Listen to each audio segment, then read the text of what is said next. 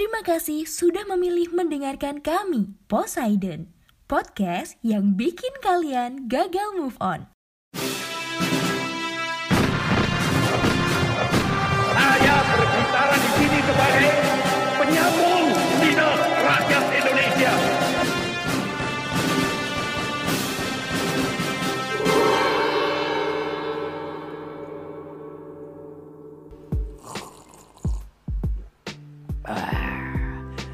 Halo Sobat Poseidon, kita ketemu lagi di History for Life. Masih bersama saya Saifuddin Alif.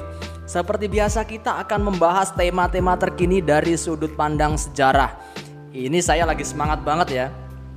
Tahu sendiri kan kita baru aja dapat medali emas di Olimpiade. Masih dari cabang olahraga andalan kita yaitu bulu tangkis.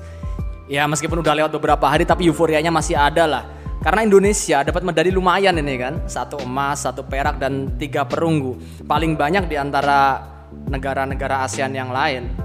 Harapannya sih kita bisa bersaing dengan Cina lah dan nggak cuma mengandalkan bulu tangkis saja. Cuma ya kayaknya prosesnya masih panjang lah. Kalau lihat dari manajemen olahraga di Indonesia, ya kita doain aja lah ya.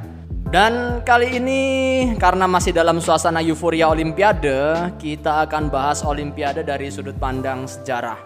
Olimpiade adalah ajang olahraga internasional 4 tahunan yang mempertandingkan cabang-cabang olahraga musim panas dan musim dingin. Yang dalam sejarahnya sebenarnya gelaran ini berasal dari satu ritus keagamaan dan atletik di Yunani kuno jadi di Yunani kuno itu ada event keagamaan dan atletik yang diadakan setiap empat tahun di kuil Dewa Zeus di Olimpia Yunani. Um, tahun yang paling banyak disepakati sebagai awal Olimpiade adalah tahun 776 sebelum Masehi. Kompetisi ini diikuti oleh perwakilan dari beberapa negara kota dan kerajaan Yunani kuno, kayak Sparta, terus Athena, terus ada Korintia dan negara-negara kota yang lain. Kemudian event ini menampilkan olahraga atletik sebagai kompetisi olahraga utama. Atletik itu ya kayak melompat, lompat jauh, terus lempar cakram, terus ada lempar lembing, ada lomba lari, dan juga olahraga perang kayak gulat, terus pankration. Pankration tuh nggak tahu ini pankration atau, pankration ya. Saya bacanya pakai pronunciation Indonesia aja ya. Pankration ini kayak uh, apa kayak tarung bebas lah. Jadi nggak ada aturan yang pasti di sana. Semua cara bisa dilakukan untuk mengalahkan lawan. Ya kecuali ada beberapa, larangan sih kayak mencungkil mata, kemudian menggigit, kemudian menyerang area-area vital. Nah ini yang dilarang kayak gitu. Terus ada pacuan kuda, ada balap kereta perang.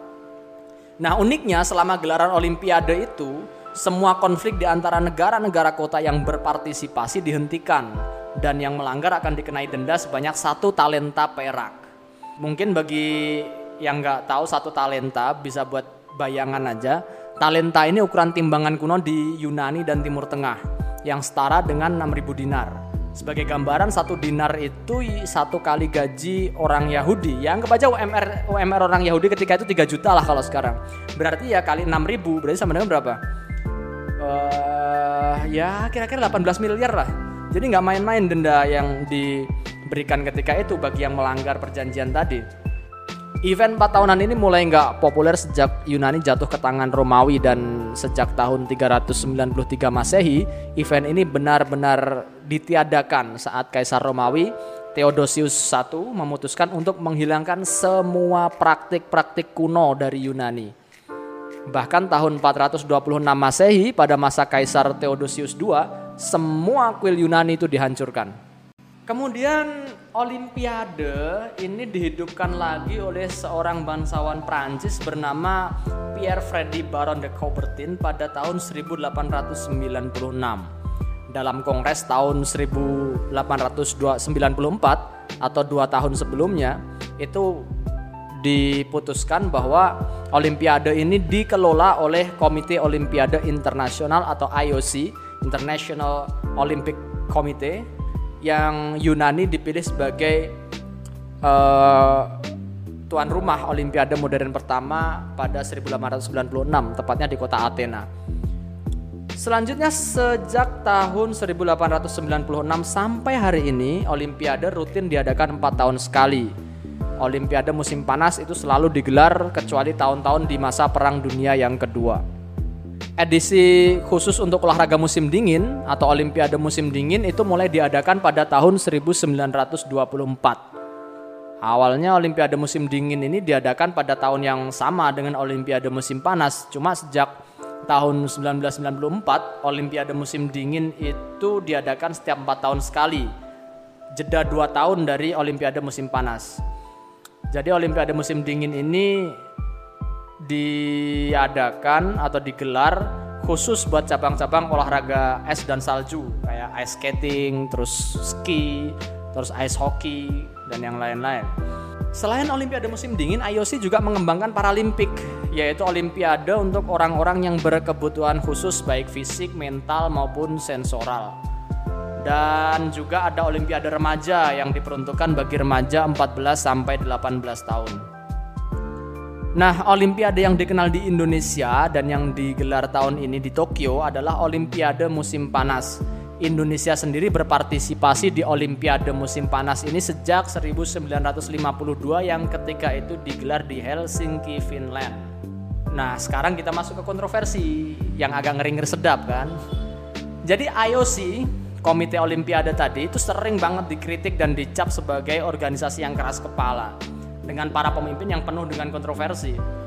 Kayak Avery Brandage dan juga Juan Anthony Samarang adalah dua presiden IOC yang paling kontroversial. Brandage ini adalah presiden yang menjabat lebih dari 20 tahun dan selama masa jabatannya dia dituduh rasisme karena melarang delegasi dari Afrika Selatan bergabung dalam IOC. Sedangkan di bawah pemerintahan Samarang, IOC ini terpuruk dalam kasus nepotisme dan juga korupsi.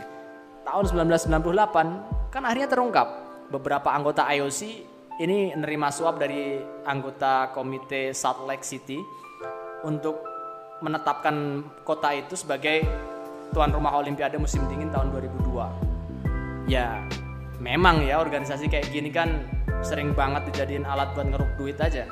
Ya dari TV lah, dari sponsor lah Nah, pengembangan Olimpiade musim dingin, terus Olimpiade remaja, Olimpiade Paralimpik tadi ya oke okay lah buat mengakomodir saudara-saudara kita yang lain. Cuma sedikit banyak pasti adalah motif duit itu kan.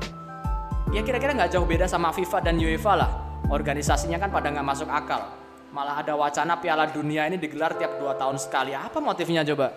Ya pasti duit motifnya. Dan akhirnya terkuak kan 2015 kemarin kalau Sepp Blatter korupsi gede-gedean di FIFA. Ya, semoga sih PSSI dan organisasi olahraga di negara kita bersih lah dari kasus-kasus kayak gitu. Semoga aja.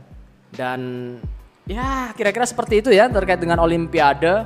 Sampai di sini dulu podcast kita kali ini. Kita berharap generasi muda ini semakin berprestasi. Kita lanjutkan tren positif kita di Olimpiade ini Tetap sehat, tetap semangat, jangan lupa patuhi protokol kesehatan dengan 5M.